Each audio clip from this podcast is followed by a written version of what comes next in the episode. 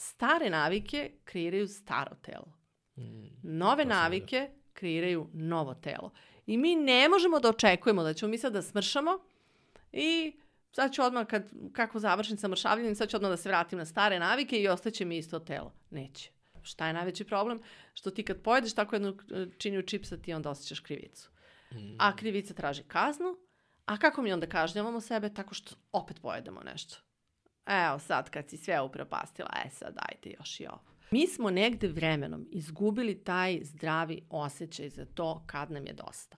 I mi prosto jedemo i količinski svaki obrok više hrane nego što nam treba. Dete pojede koliko mu treba i neće dede više od toga. Da ja uspem da smršam pre pet godina a, a, i da tu kilažu više nikada ne povratim, što se ispostavilo da je ključ. Zato što mi kada sedimo i očajavamo Jo, jadna ja debela više do kad ću morati da pazim šta jedem. Ceo život sam na dijetama, umreću debela i gladna i slično. Menja im se kvalitet života, menja im se odnos prema sebi, samim tim i odnos uh, sa, sa porodicom, što mi posežemo i za, i za hranom, i za alkoholom, i za cigaretama, i za slatkišima i tako dalje, da bismo se umirili. Hajde da vidimo kako na drugi način možemo da se umirimo.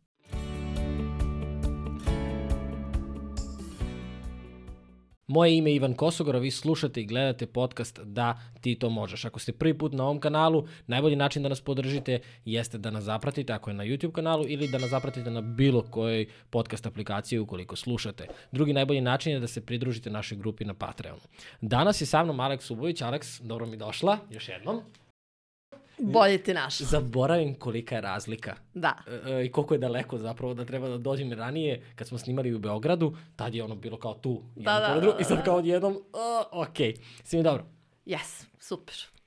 Danas je bio jedan od uh, onih uspešnih produktivnih dana kada sam završila gomilu stvari i energizovana sam i dalje, tako da dobro sam. Znači nastavljamo u Da, istom, u istom Kako ritmu.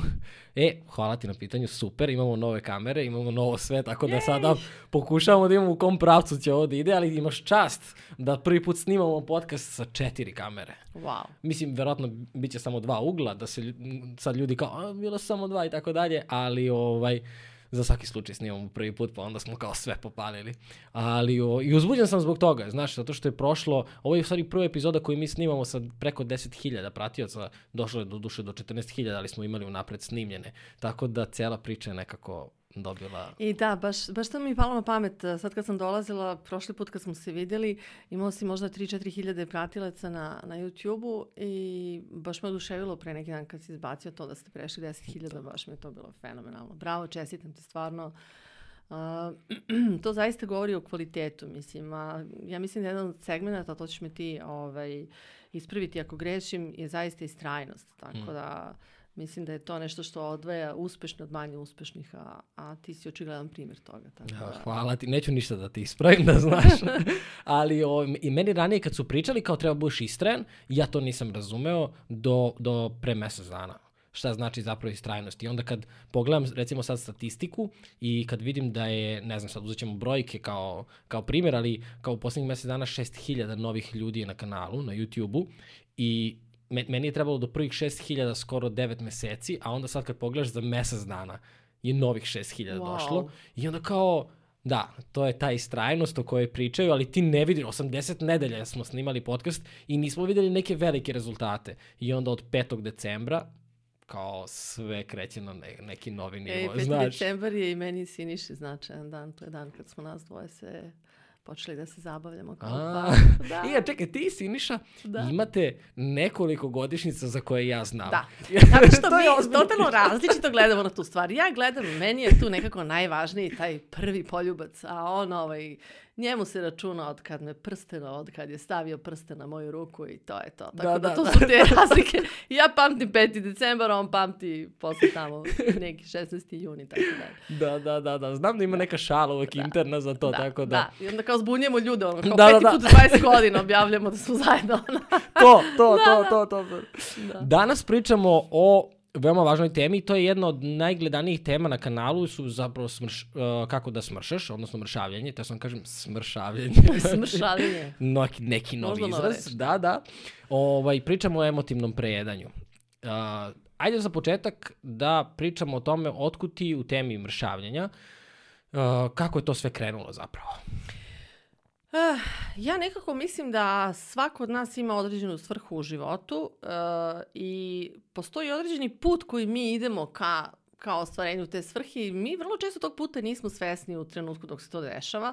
Međutim, kada prođe neko vreme i kada sagledaš stvari iz šire perspektive, vidiš da te sve u životu vodilo upravo ka tome. E, ja sam se mučila sa kilogramima gotovo 15 godina, to je ono, gojila sam se zimi, mršavila na proleće i leto i e, bila sam očajne i toliko me to frustriralo zato što uh, bez obzira koliko sam pametna, obrazovana, koliko sam sposobna i kapaciteta sve da rešim na svetu, ne postoji problem koji ne mogu da rešim. Uh, mislim, u nekom ovako, da kažem, svakodnevnom životnom smislu, ali taj moment je mene toliko to išlo na živce. Ja sam tela da, bukvalno, da odlepim od više od toga, što svake godine smršam i svake godine se ponovo ugojim. I to ako bih smršala 8 kg, ugojim se 10.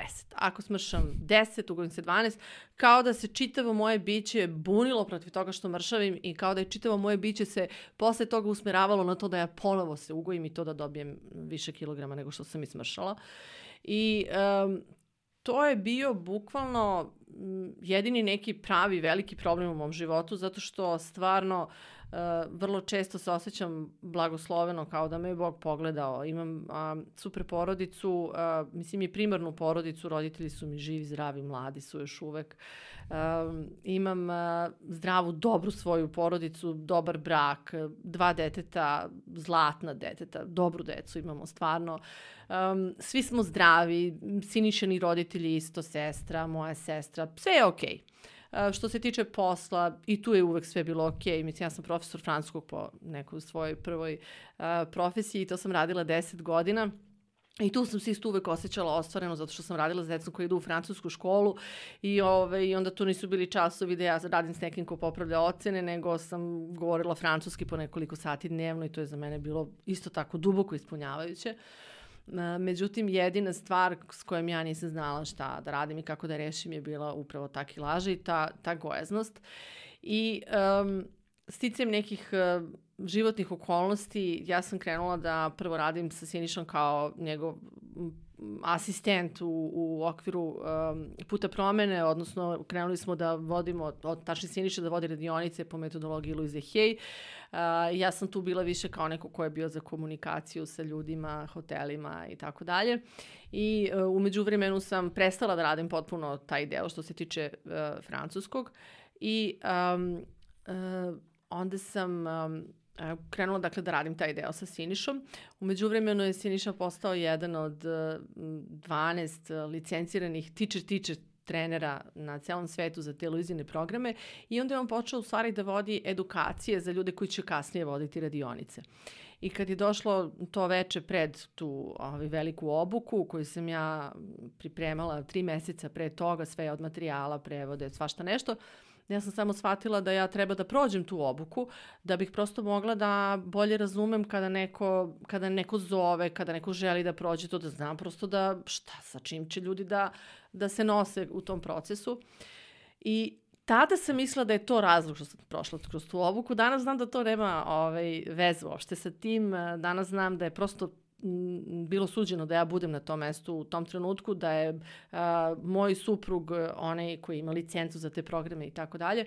Tako da sam ja završila prvo obuku da mogu da vodim radionice po metodologiji Louise Hay. Onda sam završila napredni nivo obuke da mogu da radim coaching jedan na jedan.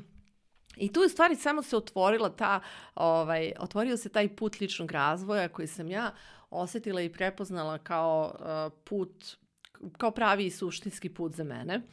I tu ima nešto vrlo isto interesantno. E, ja sam u srednjoj školi kad sam bila, htela sam da upišem psihologiju, zato što me uvek jako interesovalo e, ta tema duše i žela sam prosto da se, da se razvijam u tome, to je bilo prosto moje veliko interesovanje.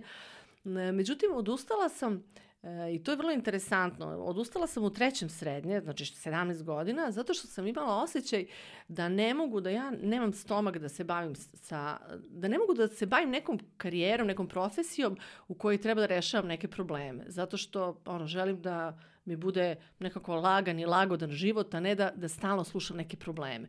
I tako sam znala da neću da idem na psihologiju, da neću da idem na medicinu, da neću da idem na prava, na, na sve te neke um, fakultete koji u stvari nose sa sobom neku muku i neke probleme. Međutim, ne lezi vraže. Evo, 20 godina kasnije ja sada gradim potpuno drugu karijeru, nevezano od toga zašto sam se školovala.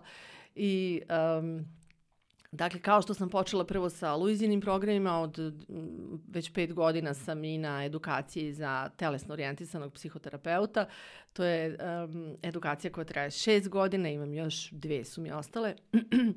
Tako da, a, u čitavoj toj priči koja se odvijala paralelno, s jedne strane moji problemi s kilogramima, s druge strane um, um, moj lični rast i razvoj kroz sve edukacije kroz koje sam prolazila, su učinile da ja krenem, uh, prvo u stvari, da ja uspem da smršam pre pet godina, a, a, i da tu kilažu više nikada ne povratim, što se ispostavilo da je ključ. Um, Znači, s jedne strane to i s druge strane krenule su stvari da se razvijaju ti programi, a, program za ove kvitke koji i danas vodim, a, sada je u formi online-a, ranije je bio, jel, kao što ovaj, znaš i sam, a, radila sam te radionice u, u, u hotelima, dakle u nekim prostorima koji smo, družili smo se uživo. Ovaj, pardon. Dakle, suština priče je da iako neke stvari sam mislila da nemaju veze jedne sa drugim, um, ispostavilo se da je ta moja gojaznost i ta moja kilaža, taj najveći problem koji sam imala u stvari bio najveći blagoslov. Uh, zato što me je s jedne strane podstaklo na to da krenem da radim na sebi i da vidim zbog čega ja uopšte jedem više nego što mi treba. Zato što je činjenica da se ne gojimo od vazduha, nego se gojimo od jela. Znači, to me je podstaklo na put ličnog razvoja. A, krenula sam da trčim, a, isto naravno da bih smršala kao i 90% ljudi. I treće, promenila sam način ishrane, što je takođe jedan od segmenta vezan bio za trčanje, ne direktno za mršavljanje, nego za trčanje. I a, tako da a, ta moja kilaža i ta gojaznost, ja na to sada danas zaista gledam kao blagoslov, zato što mi je donala tri ključne stvari u životu. I a, I to je jedna od, od stvari koju koja u stvari menja perspektivu. Zato što mi kada sedimo i očajavamo Jo, jadna ja debela više do kad ću morati da pazim šta jedem. Ceo život sam na dijetama, umreću debela i gladna i slično. Znači, to je jedna perspektiva, a druga perspektiva je kao, čekaj, pa meni to, zašto ja, zašto se ja gojim? Zašto je ta kilaža u mom životu? Šta, šta to želi da me nauči? Šta želi da mi pokaže? I tako. Tako da, ovaj, možda sam malo dala preširok odgovor na tvoje pitanje. Ali ovaj, verujem da si, uh, da si dobio neki zaključak. Zanimljivo mi sad dok pričaš i kad si rekla da si predavala francuski i kako ti je, da li, da li ti to iskustvo predavanja pomoglo, ti sada dok si pričala, ja sam imao utisak da sam na predavanju i uživao sam i sad kad si krenuo da prestaješ, ja kao, ne, ne, šta je dalje? da. Šta se dalje dogodilo? Da. Kako, kako su stvari te stvari, i ti si na, na početku rekla da je sve povezano i kako te stvari sve to vodilo do, do toga da, da danas pomažeš. Koliko žena je prošlo kroz svoj program? O, pa, Online preko, i da. ovako. Preko 400 žena. To je sad neka statistika posljednja koju smo izvukli. Preko 400 žena je prošlo kroz taj program. A ovo sam htjela ti kažem, ja kad sam bila mala, ja sam imala ove želju uh, dve stvari, da budem učiteljica i da budem glumica. Tako da u stvari sad kroz ovaj posao koji radim imam priliku da živim oba da. dela ta svoja bića. Tako da. To je, to je sjajno. Da. Kako se u stvari sve tako nekako zavrti i dođe na, na, yes. na svoje mesto. Yes. Ja te često uzimam kao primer uh, kada pričam o fokusu i onda kažem, ne znam, uh, moj brat koji pravi testeninu i pravi pastu, on pravi samo pastu, on ne pravi ćevape, on ne pravi sarme, on prodaje samo pastu. Aleksandra I to Ulović, da, i to kakvu pastu. Pasta Marko Polo. Ovaj, I onda, onda dam tvoj primjer i kažem, Aleksandra pomaže ženama da, koje su gozne da smršaju na određeni način. Ne bavi se sad najrazličitim temama ima fokus. Jeste. I to je, to je kod tebe, rekla si malo pre da sada gradiš karijeru. Ja, ja imam utisak kao da si ti izgradila jednu ozbiljnu karijeru. Da. Koliko to poslednje dve, tri godine? Pa, gledaj ovako. I sad ja nemam znači... mošte, izvini, zbog korone, da. nemam mošte osjećaj za vreme, znaš, tako da... Pa, sedam godina ja već vodim te radionice, da, Totalno šaša, od 2013. jeste. I što sam ja pomislio Ove, dve, tri. Ne. To je ne. onda baš loš znaš šta, pa, e, od pre tri i po godine, na primjer, imam sajt Mhm. i Instagram i onda je sve to onako postalo dosta vidljivije a, a, širom, široj publici, tako da otprilike... Možda sam tu Da. nešto. Kad pričamo o emotivnom prijedanju, u, Mhm. kojem, u kojoj fazi možemo da prepoznamo da je naše prijedanje emotivno prijedanje? Uh, pa, gledaj, stva, tu je vrlo jednostavna matematika. Mi, je, mi, kol, mi jedemo prosto u toku dana unosimo onoliko hrane i energije, odnosno kalorija koliko nam je potrebno. I to najbolje vidite po deci. Deca neće, da dete pojede koliko mu treba i neće jede više od toga. I nemojte terati ljudi, ljudi decu da jedu. Ovaj, posle velike probleme možete da im napravite zbog toga. Dakle, deca jedu onoliko koliko im treba. I dete kad se razboli, dete ne može da jede, zato što leži, odmara se, rehabilituje mu se čitav organizam i nema potrebu za hranom. Mi smo negde vremenom izgubili taj zdravi osjećaj za to kad nam je dosta. I mi prosto jedemo i količinski svaki obrok više hrane nego što nam treba. Znači, to je prva stvar. Mm, S druge strane, mi smo izgubili taj osjećaj, postoje određeni hormoni koji su zaslužni za osjećanje gladi i za osjećanje sitosti. I ja, na primjer, kad sam krenula sa jelovnikom zdrave ishrane koji je podrazumevao da jedem na 3,5 do 4 sata, ja sam tad ukapirala da ja ceo dan jedem. Znači, ja ceo dan nešto grickam, kao ja uopšte nemam ose, osjećaj da ja puno stvari da sam pojela, ali uz, kad sam ja ovaj, nekako osvrnula se i videla da je meni problem da izdržim 3,5 sata da ne jedem ništa, onda sam u stvari shvatila da kao doručkovala sam, pa onda posle uzmem pojedem nešto, jabuku, pa onda prođem pa uzmem ovako šaku oraha sa stola, pa onda dok spremam ručak, gric, gric, prob, prob, srk, srk, mislim, i, i tako nastaviš ceo dan. Znači, to je prva ta jed, jedna stvar. Druga stvar, uh, mi često posežemo za hranom i onda kada nismo zaista gladni.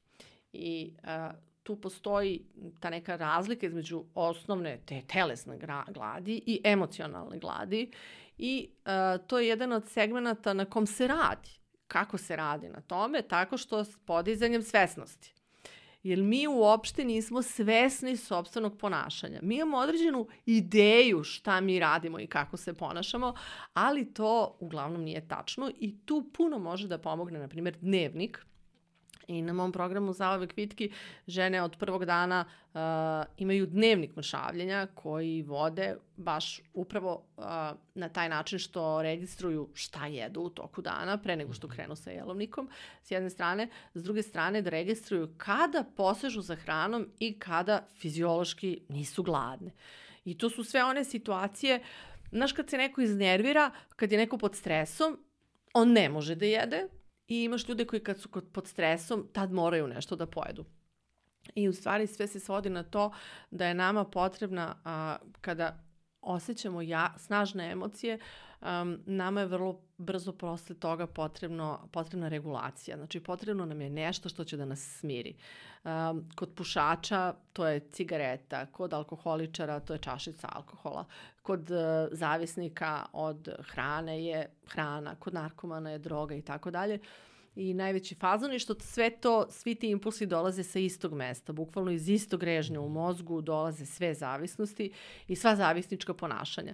S tim što je najteže ljudima koji se bore sa zavisnostima od hrane, zato što ti kad si alkoholičar, kad si u kući nema hrane, nema pića, ti možeš ono da abstiniraš. Narkomani isto tako, cigarete isto tako, ali hrana je nešto bez čega ne može da se živi i zato je to po meni jedan od najtežih oblika zavisnosti i zato je ljudima um, najteže da se oslobode te zavisnosti zato što ti svaki dan moraš da dolaziš u kontakt sa nečim što ti izaziva zavisnost. E, zato je jako važno da se u stvari um, uobroči da, da se na taj način pokrene i ubrza metabolizam s jedne strane, a s druge strane da se po, podigne svesnost o tome uh, da li sam ja sada zaista gladna ili sam se nešto uznemirila ili me neko naljutio ili sam usamljena ili mi je dosadno. Ili najčešće se dešava ljudi da se prijedaju uveče kad dođu kući kao e sad ću da se opustim, da se častim, da ne znam razne te neke ovaj, uh, varijante i onda kreneš večeraš Pa kao, ja, sad bi nešto slano. Pa onda malo čips, grickalice neke, smoki. Pa kao, sad bi mogla nešto slatko, nešto bi. Pa onda kao, sad mi ovo previše slatko, mogla bi opet nešto slano. I onda ode, onda vrag odnese šalu, zaista. Tako da, um, Sad si rekla, izvini, zavisnik od hrane. Mm. Ja prvi put čujem taj izraz. Mm. Uopšte nisam ni razmišljao o tom pravcu. Mm. Uh, kako da napravim razliku da li sam zavisnik od hrane i bežim i emotivno se prejedam ili mi je stvarno potrebno da jedem? To je, to je sad moje pitanje zato što mi baš prvi put čujem za izraz zavisnik od hrane. Pa ono što nas čini za, zavisnicima je da mi ne možemo bez tog nečeg, te neke substance e, i da nam je ona potrebna da bismo bili funkcionalni da bismo uopšte mogli da funkcionišemo. Tako da e, kada je zavisnost od hrane u pitanju, znači ti, svako od nas zna, uh, imaš, ne znam, ako imaš, na primjer, tri obroka i dve užine, uh, ili imaš samo tri obroka, nije ni važno kako ko se hrani. Ja, na primjer, lično imam četiri obroka, tri glavna obroka i jednu užinu koja je najčešće pre podne i to bude voće. Ovo ostalo su doručak, ručak i večera. I um, uh, prva stvar je, dakle, da se ne prejedam, znači da pojedem obrok koji mi je dovoljan i za to je preduslov da mi dobro radi hormon koji reguliše osjećanje sitosti. I um, ako ti ne radi taj hormon kako treba, onda možeš sam da proceniš po količini hrane u tanjiru. Znači, to je ono čuvena, nije problem tanjir pasulja, problem su dva tanjira pasulja. Znači, da pojedeš određenu količinu hrane od koje ti neće posle biti loše. Znači, to je jedna stvar. A druga stvar je da, da se, da se hvataš u tome da li posežeš za nekom hranom i pola sata, sat nakon obroka, a, zato što ti je ta hrana potrebna da se smiriš. I, I to je bukvalno ono, ljudi se tresu kao, kao, kao narkomani ako ne mogu da dobiju to, to što žele. Znači, to su e, takve neverovatne priče, neverovatnih priča sam se naslušala za, za sve ovo vreme koliko radim sa ženama, a imam i u svom iskustvu dosta tih situacija gde ono, kaže žena u pola noći, u jedan unoć ona seda u auto zato što je sjede nešto slatko, nešto što je fiksirala. I ona u jedan sat seda u kola i ide na pumpu koja je 6 km od nje, zato što ne, ne radi nigde ništa, ovaj, odlazi da, da kupi, mančmelov je bio u pitanju tada. E, dakle, to je ono kompulzivno u stvari mm. ponašanje kada je neka sila unutar nas jača od naše svesti, od naše svesnosti. I zato je tu svesnost igra zaista ključnu ulogu, odnosno da, da ukapiram kako se ponašam, da ukapiram da se ponašam zavisnički i drugo, hrana jeste važna, ali hrana nije, brate ili najvažnija stvar u životu. I drugo, vrlo često posežemo za hranom kao svojevrsnom uh, uh, uživanjem i to je okej okay u određenoj meri, ali kada kada ti počneš da usmeravaš svoj dan samo ka tome šta ćeš danas da jedeš i koliko ćeš da uživaš u tome, to onda nešto nije u redu. U smislu da treba razmisliti na koji način još u životu mogu da uživam osim u hrani. Da li je to da plešem, da li je to mm. da čitam, da li je to da prošetam pored reke, da li je to... Znači svako može da pronađe za sebe nešto što mu da piše, nešto što mu čini, što mu daje osjećanje zadovoljstva i ispunjenosti. Jer tu je glavna fora. Mi sa hranom pokušavamo da popunimo neku rupu unutra, neku prazninu koju osjećamo, koja naravno ne može da se popuni hranom. I iza emocionalnog prejedanja u stvari stoje neke naše potrebe koje nisu bile namirene. Potreba da budemo viđeni, potreba da budemo doživljeni, da, um, da imamo nečiju pažnju, uh, kontakt, potreba za kontaktom, uh, potreba da budem to što jesam. Znači razne neke naše unutrašnje potrebe koje mi ne umemo da prepoznamo da je to u pitanju, nego a daj da pojedem nešto, daj da ovaj, u stvari hranom a, zadovoljavam potrebe mog bića. A to je potpuno pogrešno zato što ti ne možeš a, auto koji je na benzin da mu sipaš dizel i da on mm. vozi. Ovo je super metafora, ovo mi je sad palo na pamet. Zaista. Da, da. Znači, mi dajemo sebi dizela, pogon nam je... A potrebno nam je gorivo. nešto drugo, da, da. da. da. Tako da, m, tu u stvari uh, u, u, u procesu tog prirodnog mršavljenja i u procesu dolaska u kontakt sa sobom i stvari najvažnija možda stvar da vidim šta ja to, šta je to meni potrebno, šta ja to želim, uh, a nemam i onda ga nadomešćujem hranom. U našem prvom razgovoru koji smo, stavio sam naslov kako a, zašto nam je teško da smršamo zauvek, jer ti si napravila tu razliku i zauvek si smršala. Šta misliš da je kod tebe, malo pre si mi navela tri stavke, ali nisam bio siguran, to sam teo da te pitam, da li, si, da li su te tri stavke predstavljale ključ zašto si ti trajno smršala? Rekla si da si krenula na trčanje, promenila ishranu i lični razvoj. Šta misliš da je najvažnija stvar kada je u pitanju emotivno prijedanje? Naša treba da najviše obratimo pažnju i kažemo, ok, ovo rešavam sada. E, postavio, krenuo si s pitanjem u jednom pravcu, a završio u drugim, pa ću ja odgovoriti na taj prvi pravac. Ok. Uh, uh, to je kao, um, kako, bih, kako bih rekla, uh, to je kao jedna potraga za svetim gralom. E, potre, potraga za tim načinom na koji ćemo konačno zaovek da svršamo. I to je potraga koja traje, mislim, kod mene u životu već ovaj, desetak, 15, sad već 20 godina koliko je prošlo od mog prvog tog gojenja.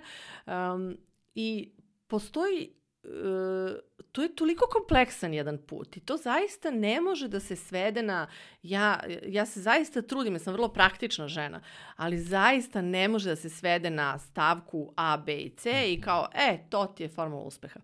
Međutim, nešto što je najbliže tome, najbliže tome je ovaj, um, sve to što si nabrojao, znači promena koncepta ishrane, promena, fizi, uvođenje neke fizičke aktivnosti i rad na sebi. Te tri stvari zaista predstavljaju um, osnovu svega. Međutim, šta je kod mene napravilo promenu? Istrajnost. I Istrajnost u ove tri stvari? Istrajnost u te tri stvari. Aha. Mm -hmm. Istrajnost, ja se i dalje hranim zdravo, znači u 80% slučajeva, ja i dalje trčim dva ili tri puta nedeljno, ja i dalje radim na sebi, prolazim na radionice i idem, radim sa terapeutom. Dakle, uh, to je prosto nešto što je napravilo razliku. I uh, stare navike, to sam baš pre neki dan snimala story i post o tome, stare navike kreiraju staro telo. Mm, Nove navike kreiraju novo telo. I mi ne možemo da očekujemo da ćemo mi sad da smršamo i sad ću odmah, kad, kako završim sa mršavljenjem, sad ću odmah da se vratim na stare navike i ostaće mi isto telo. Neće. Neće. Zato što mora da se, uh, da se radi na nekoliko različitih planova. I uh, mršavljenje je kao jedna velika korporacija. Znači mora da postoji prodaja, mora da postoji marketing, mora da postoji uh, upravni, uh, neko ko upravlja tom firmom, mora da postoji sekretar firme, čuvar, znači mora da postoji uh, razni neki sektori i svaki taj sektor je podjednako važan. Znači ne može da funkcioniše prodaja bez marketinga ili ne može, ništa ne može da funkcioniše ako nemamo proizvodnju ili, ili neki proizvod koji prodajemo. Dakle, sve to zajedno mora da se uveže da bi to bilo da bi je bilo efikasno i da bi bilo uspešno. I mi se palimo na te čarobne štapiće, ono 11 kila za 3 nedelje i slično, ali to u realnosti ne postoji. Zaista, znači ta promena, e, ta promena mora da dođe iznutra i ta promena mora da se sprovodi trajno. Ako sam te razumeo, mršavljenje je sistem kojeg treba da se pridržavamo trajno. Jeste. Jeste. S tim što, uh, mislim, na mom ličnom primjeru, ja sam, na primjer, četiri meseca bila na, na jelovniku zdrave ishrane, pa sam onda bila tri godine na održavanju tog načina ishrane. Sada već, na primjer, poslednje dvije godine sam se ja dosta opustila tu, u smislu što više ne opterećujem se toliko tim, ali... Uh, ja sada biram da se hranim a, dobro, ja sada biram da jedem puno salata, voća, integralne žitarice, ja sada biram te stvari. Biram to umesto nečega što, što bih ranije birala. Tako da to je nešto što je napravilo razliku zato što sam ušla u rutinu. I sad više o tome ne razmišljam i nisam previše opterećena, ali čim osetim malo da krene da mi zatežu farmerke, ono, malo više salatica ubacim nego, ovaj, nego inače i to je to. Prosto mora da se vodi računa. I drugo, ono što je kod mene napravilo veliku razliku, a to je zaista taj rad na sebi i svesnost, mm. uh, zato što ta svesnost daje, daje rezultate. Ta svesnost je nešto što čini da ti možeš da menjaš neke stvari. Jer ti ako nečega nisi svestan, ti to ne možeš ni da promeniš.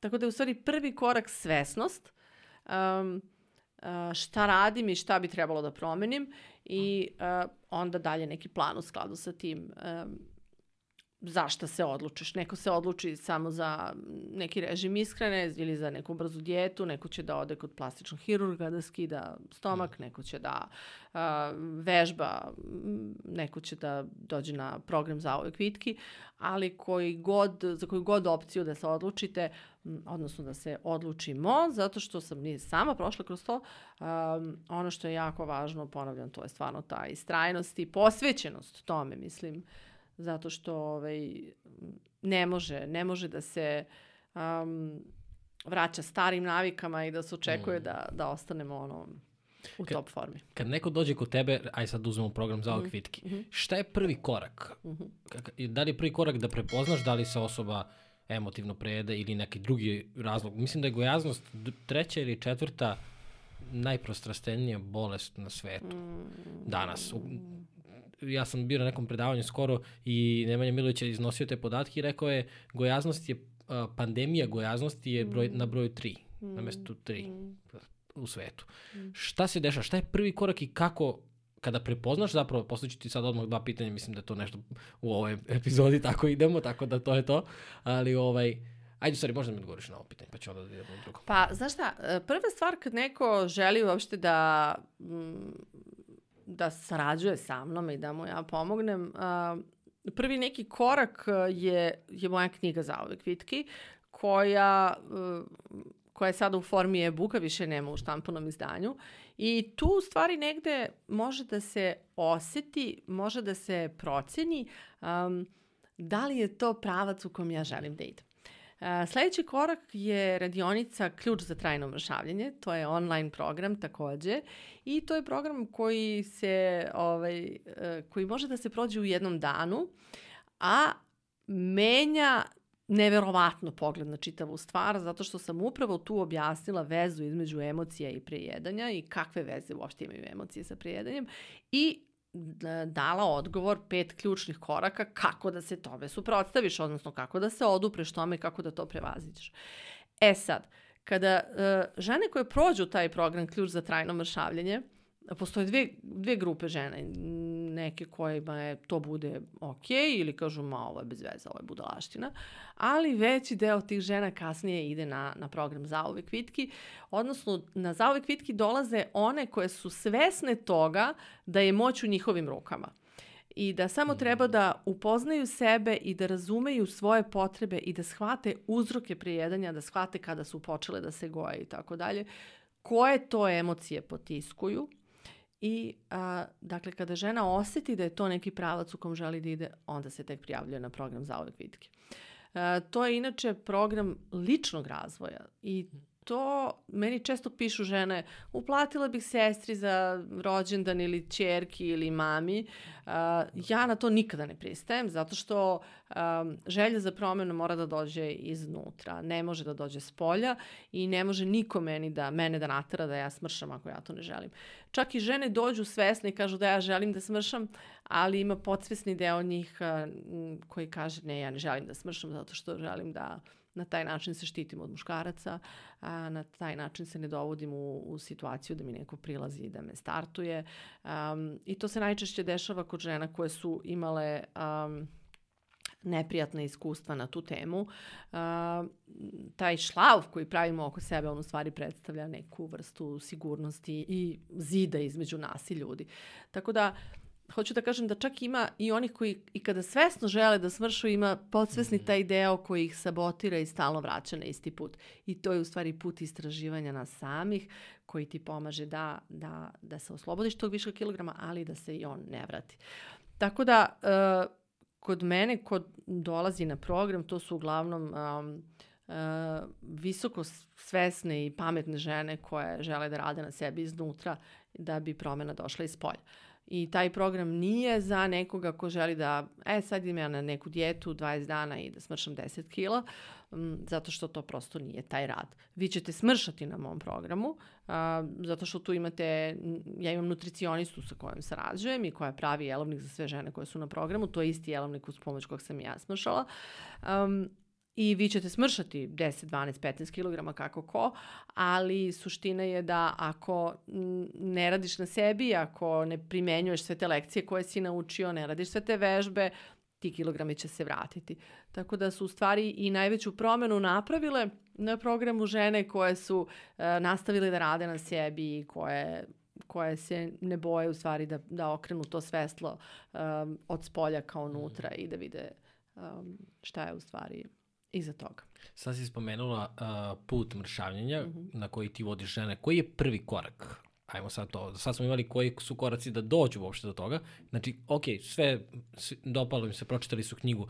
Ja se sećam kada sam čitao knjigu da je a ti mi sad ispravili, mislim da je tako, da je mno, veliki akcent u knjizi zapravo ta a, briga prema sebi i kada si pričala o, o o, to, o saosećajnosti i o tome da treba, o samosvesnosti zapravo mm. i koliko je važno da, da otkrijemo šta jedemo, zašto i da li želimo da unosimo hranu koja naš organizam opterećuje, mhm. umara i tako dalje i tako dalje. Što je za mene možda prvi put bilo kao, hm, pa da, ja ako brinem o sebi, ja neću sebe ono, piti gazirane sokove do iznemoglosti tako ili tako nešto. Mislim da je to meni okidač bio, ja već nekoliko godina ne pijem sokove. Sad kad, sad kad smo pričali, sad razmišljam, mislim stvarno da sam, kad sam pročitao tvoju knjigu, prestao da pijem sokove i ono što je najvažnije, bilo mi je lako da ih prestanem da ih pijem. Mm. Nije mi bilo kao, jo, toko volim sad taj ukus, pa ne, samo sam pomislio, to bukvalno kao da sipam otrov u svoj organizam.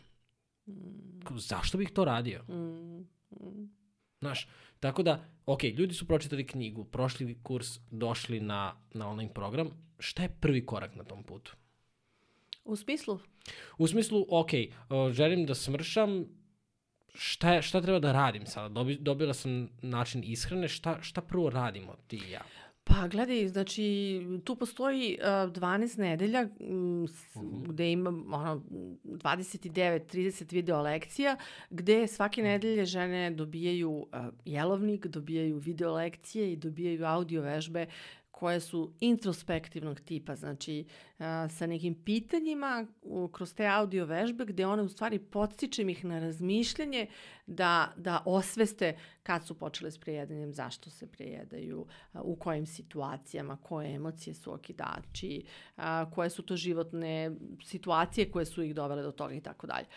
Tako da, mislim, to je otprilike neki koncept, sad ne znam da li sam -hmm. ti dala da, odgovor. Da, da, to, to sam da. ti pitao. Ok, je li ti ok da nam, stvari, podeliš sa nama šta je neka najveća promena? Jer ti imaš i grupe za podršku koje mm -hmm. traju mm -hmm. i mislim da šalju snažnu poruku, da to je da nisi sama mm. i koja je to neka najveća promena koju neka žena, ne moraš da imenuješ, ne moraš da kažeš baš sve, ali kao šta je nešto što su gledaj, znaš šta se desi kod mene na programu? To, I to je e, meni najveći, najveći, najveći uh, kompliment i najdivniji komentar je što se njima zaista promeni životi.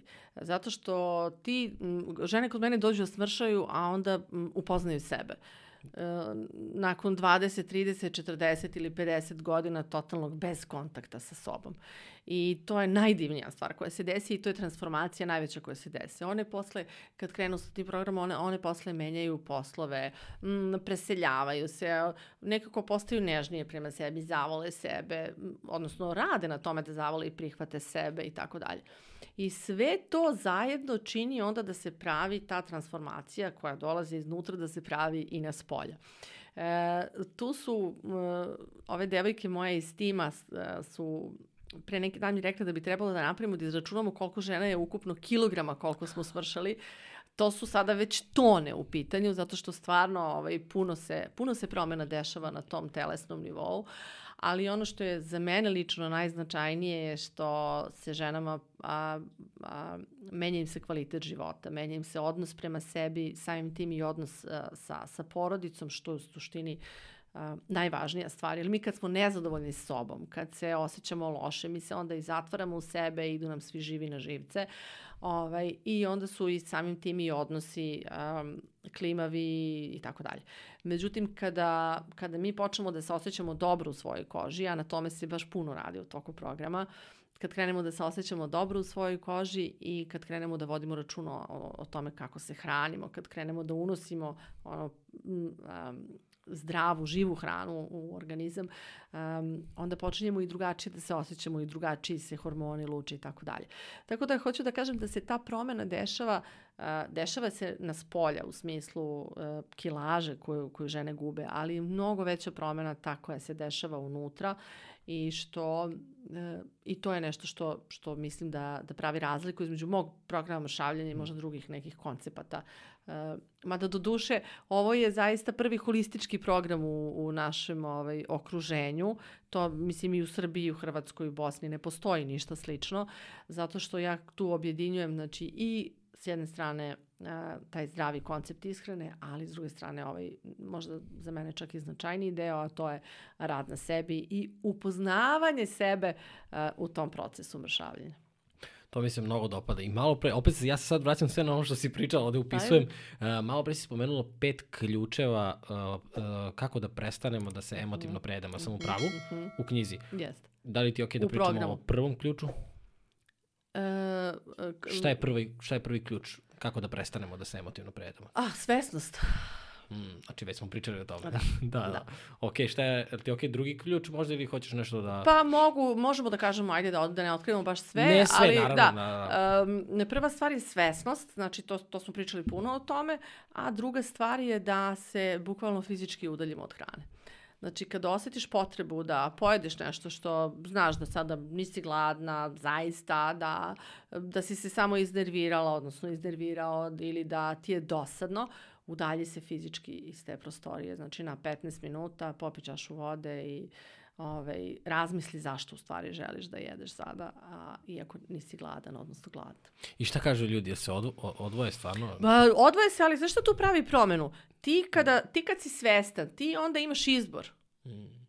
A, da, to je da. suština priče. Ti kad nisi svestan da, da jedeš ono viš, i da, na što, to je kao kad uzmeš ono kutiju punu čipsa ili nekih kolača ili nešto i ti ono, dok gledaš TV, pojedeš sve. Ti nisi svestan toga šta si uradio. Razumeš? A ti kada si svestan da si uzeo činiju, ti kažeš, aha, ja sam sad uzela činiju čipsa, zašto ja to želim da pojedem? Pa, mm, zato što hoću da grickam nešto da gledam film ili zato što sam se iznervirala, uznemirena sam, dosadno mi je, e, tužna sam, a, frustrirana sam, bilo koja druga emocija. Ne, onda kažeš, e onda, ajde sada tu činju čipsa da sklonim, to mi sada zaista nije potrebno i da vidim kako mogu sebi da pomognem na drugi način. Znači, mm. svesnost. Svesnost nam daje mogućnost izbora. I čak u tim situacijama, i ako ti kažeš, aha, uh, iznervirala sam se ili ne znam šta, dosadno mi je, ok, uzmi pojedi, večeras uzmi pojedi. Ok. Ali je mnogo manja šteta nego da si samo tako nesvestan ono pojeo sve to uh, i onda posle toga šta je najveći problem? Što ti kad pojedeš tako jednu činju čipsa ti onda osjećaš krivicu. Mm. A krivica traži kaznu, a kako mi onda kažnjavamo sebe? Tako što opet pojedemo nešto evo sad kad si sve upropastila, e sad dajte još i ovo. Tako da svesnost je prvi korak u prevazilaženju a, problema sa prijedanjem. A šta je s ljudima koji kažu, ok, iznervirao sam se, moram nešto da jedem, da se smirim, ili, mm -hmm. u, baš mi o, ono, ne, ne prija mi sad sve ovo što vidim, idem da gledam film i seriju ceo dan i prešću se i pošću celu čokoladu, mm -hmm. ili šta ljudi koji svesno pribegavaju, to, su to ti zavisnici od hrane o kojima smo pričali na početku, kako oni da reše to? Znaš, zanimljivo mi je da otkrivam, ok, znači, da se zapitam ako sam ako nisam svestan zašto jedem hranu, ali ako ja nekad znam, znaš, mislim, je li ima ljudi, sam Pa ima kako da ne, to je na tome se radi. Uh, Na tome se radi i najčešće, to je ono što sam rekla na početku, mi posežemo i za, i za hranom, i za alkoholom, i za cigaretama, i za slatkišima i tako dalje, da bismo se umirili. Hajde da vidimo kako na drugi način možemo da se umirimo. Znači, ako ti kažeš svestan sam da, da jedem zato što sam se iznervirao i kažeš ja ću to i dalje da uradim. Ali ti kada si svesna ti kažeš aha čekaj koji drugi imam izbor ako mi treba da se smirim. Znači šta drugo mogu da uradim da se smirim, da se izduvam, da, da se ne nerviram. Pa sad tu postoje razne neke tehnike, ali jedna od stvari koju a, svako može da uradi je da sedne, da se umiri, da registruje da osetimo svoje telo. Možemo da uradimo, postoji, ima na mom YouTube kanalu uh, meditacija za opuštanje i relaksaciju. I to je fenomenalna meditacija koja traje 15 minuta. Eto, to možete da uradite ako, ako ste svesni toga da sad idete u prejedanje zato što, um, zato što se osjećate loše. Mhm. Ajde da vidim šta mogu drugo da uradim, pa hajde da poslušam neku meditaciju koja će mi pomoći da se moj sistem umiri. Šta još na YouTube kanalu, sad kad si spomenula, to je... E pa, svašta nešto, šta mi padne na pamet od inspiracije tako, šta je aktuelna tema kroz grupu, kroz grupu za podršku. Ja ovaj sa, na, na zaovek vitki program imam dva puta mesečno uživo preko Zuma grupni coaching sa ženama koje su na programu i tu u stvari bude puno nekih interesantnih tema o kojima mi razgovaramo i to su neke teme koje ja onda posle pravim skice ovaj, za, za YouTube. Mada je do sada veći deo Mislim, ja sam to krenula tek skoro da snimam, da se razumemo. Znači, ja uopšte ovaj, se nisam nešto tome posvetila. Dobro, ali tvoj YouTube kanal ima koliko? 5-6 pa hiljada, da, sigurno? Da, 7, ja mislim sada. Strava, da. strava. Da. Pa to uopšte nije zanemarljivo. Pa da, Na YouTube koliko ništa to... nisam snimala, da, to je stvarno super. U, ja sam to počela da snimam prethodnih par meseci i uglavnom sam pričala o sobstvenom iskustvu za sad. Imam još puno tema o kojima mm -hmm. ću pričati, ali ovaj, ljudi najviše interesuje kao kako si uspela, eto, šta je tu, ovaj, kako, kako si ti došla do toga. I to negde meni stvarno mislim da mi daje kredibilitet s jedne strane sve te razvijenje na tom profesionalnom planu i edukacije i za psihoterapeut i tako dalje.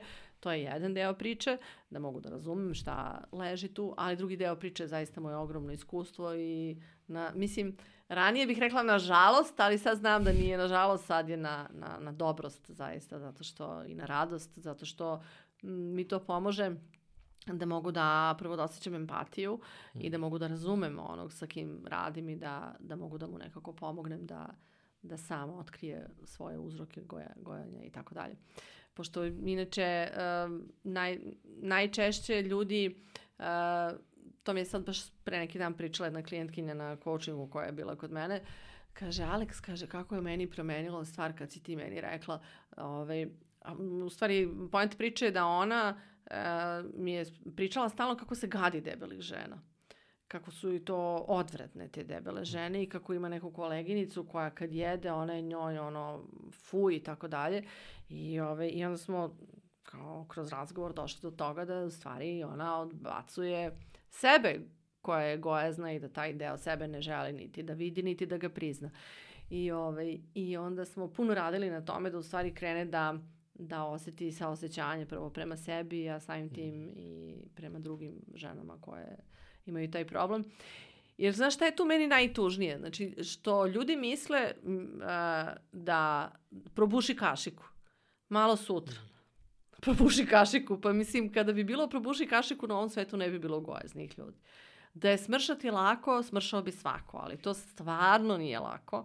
I, I to meni negde daje, zato što sam bila u toj poziciji, bila sam u tim cipelama, to mi u stvari daje taj kapacitet uh, da, da, da, da saosećam sa ženom kojom, uh, koji treba da pomogne. Da, pa često je prvi nagon rešavanja kao prestać, ješću manje. Mm. A zapravo to ako sam te sad dobro razumeo, ovo sa probuši kašikom nije Pa nije, naravno nije da rešenje. nije. Probuši kašiku nije rešenje, zato što mi možemo, odemo na neku dijetu, skinemo 5 kila za mesec dana, ali kad prekinemo s dijetom, iste sekunde se vrati ne 5 nego 6. Ja sam, skoro sam pročitao nešto, uh, kaže, kao, ja, kao kako si divno smršala, pa kao da, znaš, kao krenuo sam u teretanu, krenuo sam da trčim, promenila sam ishranu, mažem, ovaj, kako se zove, kremu po stomaku, uh, meditiram, ne, ne znam, uh, tako još nešto, i kao završi razgovor, kaže, koji si krem ono beše mazala? Kao, da, da. znaš, kao... Bukvalno. Bukvalno, jao bože, To je to, kao, ne, ništa više me ne interesuje. Daj samo kao šta je to odmah da, Ko da ne moram ništa da kremu? da radim. Genijalno, jao, genijalno. Iskoristit ću ovu priču. Zato sam ti rekao. Genijalno. Uh, Alex, radioni, o, online sada radionice, online Yes. kurs, coaching, Yes. YouTube, Instagram, svi linkovi su ispod. Šta još? Gde još mogu da te kontaktiraju? Sajt? Sajt aleksandraubović.com A eto, to je to. Facebook, Facebook page. Ili imaš i dalje Facebook Da. page? I radi sve normalno? Porati. Ja sam volim Facebook. zaboravio na Facebook Da. page. Pa znaš šta, meni, moje klijentkinje Mhm. su žene ipak ono, 35, 45, 55. I to su generacije koje su krenule od Facebooka, tu manje njih e, je sa Instagrama, mada sada sve više i više ovaj, mlađih žena dolazi, ali moje klijentkinje su a, svesne, zrele žene, o, pametne žene, koje su i onako izgradile karijeru, uglavnom porodicu, ali dođu onda do pitanja gde sam tu ja. Mm. I to su žene koje u nekom trenutku života dođu sebi na prvo mesto i kao čekaj malo da se pozabavim sobom. Zato, e, zato ja volim Facebook i dalje, zato što sa puno žena komuniciram preko Facebooka, jer je tu ipak e, se zadržala neka, neka grupa a, koja je, da kažem, malo zrelija. Kako sprečiti da žene dođu u 35-45 i da tek tada dođe prvo mesto?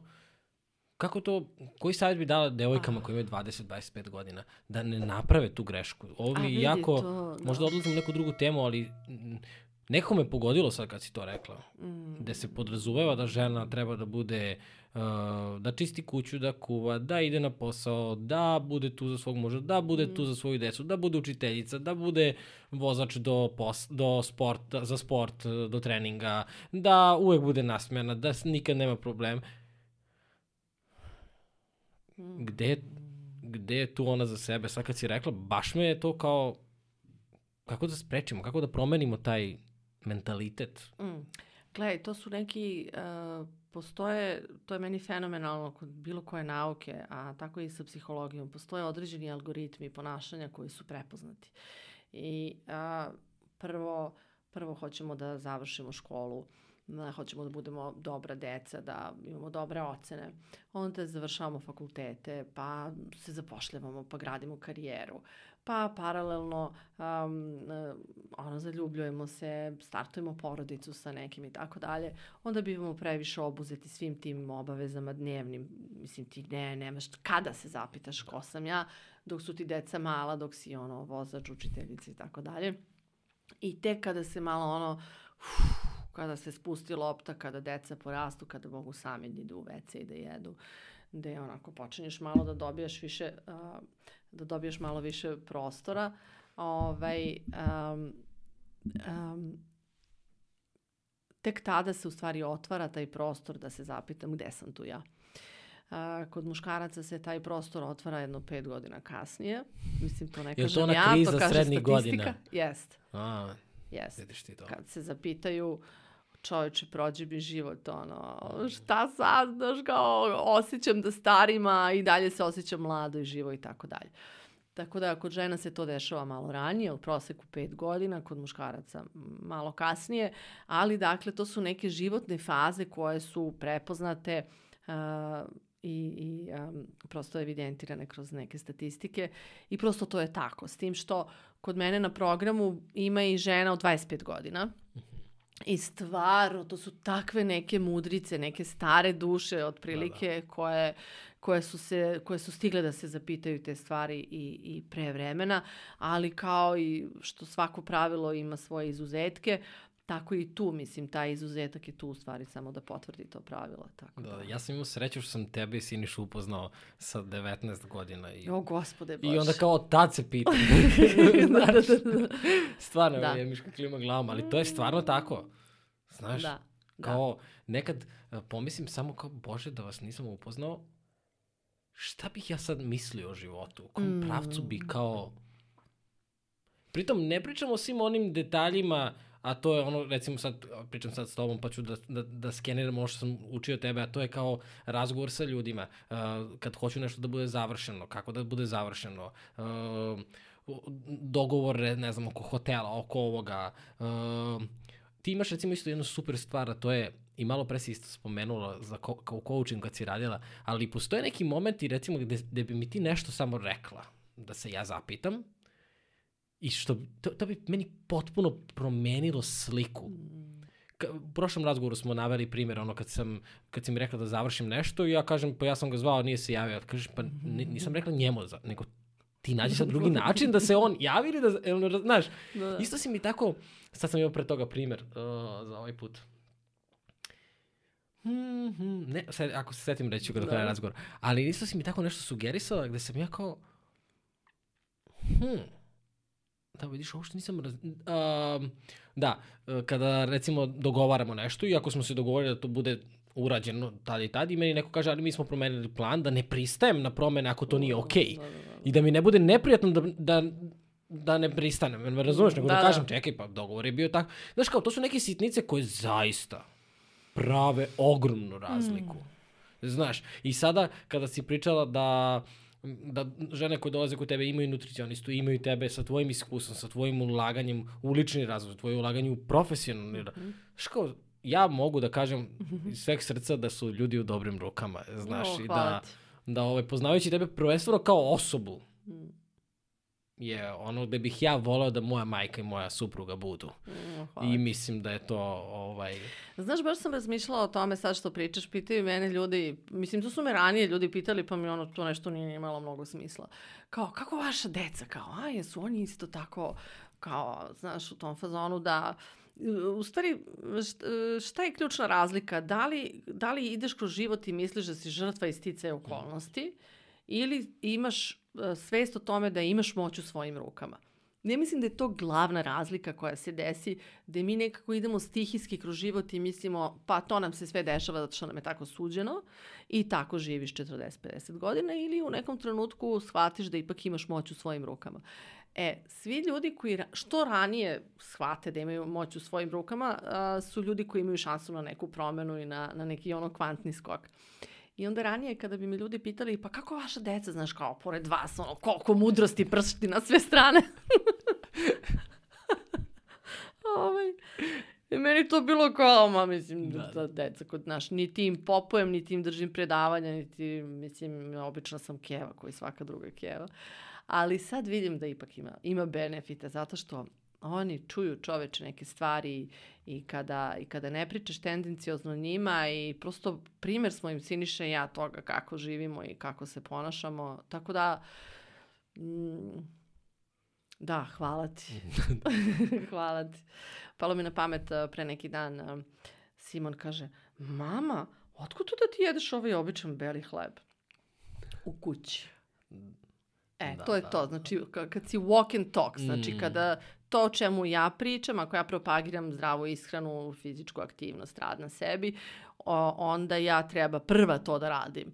I ne samo kada su u mene uperena svetlo, nego i, i kod kuće. Da, da, ali mi se dopalo i u toku razgovora si rekla da 80% se hraniš zdravo. Da. Što je kao, sasvim je okej, niko ne traži da, Da. budeš robot i niko ne traži da... Da.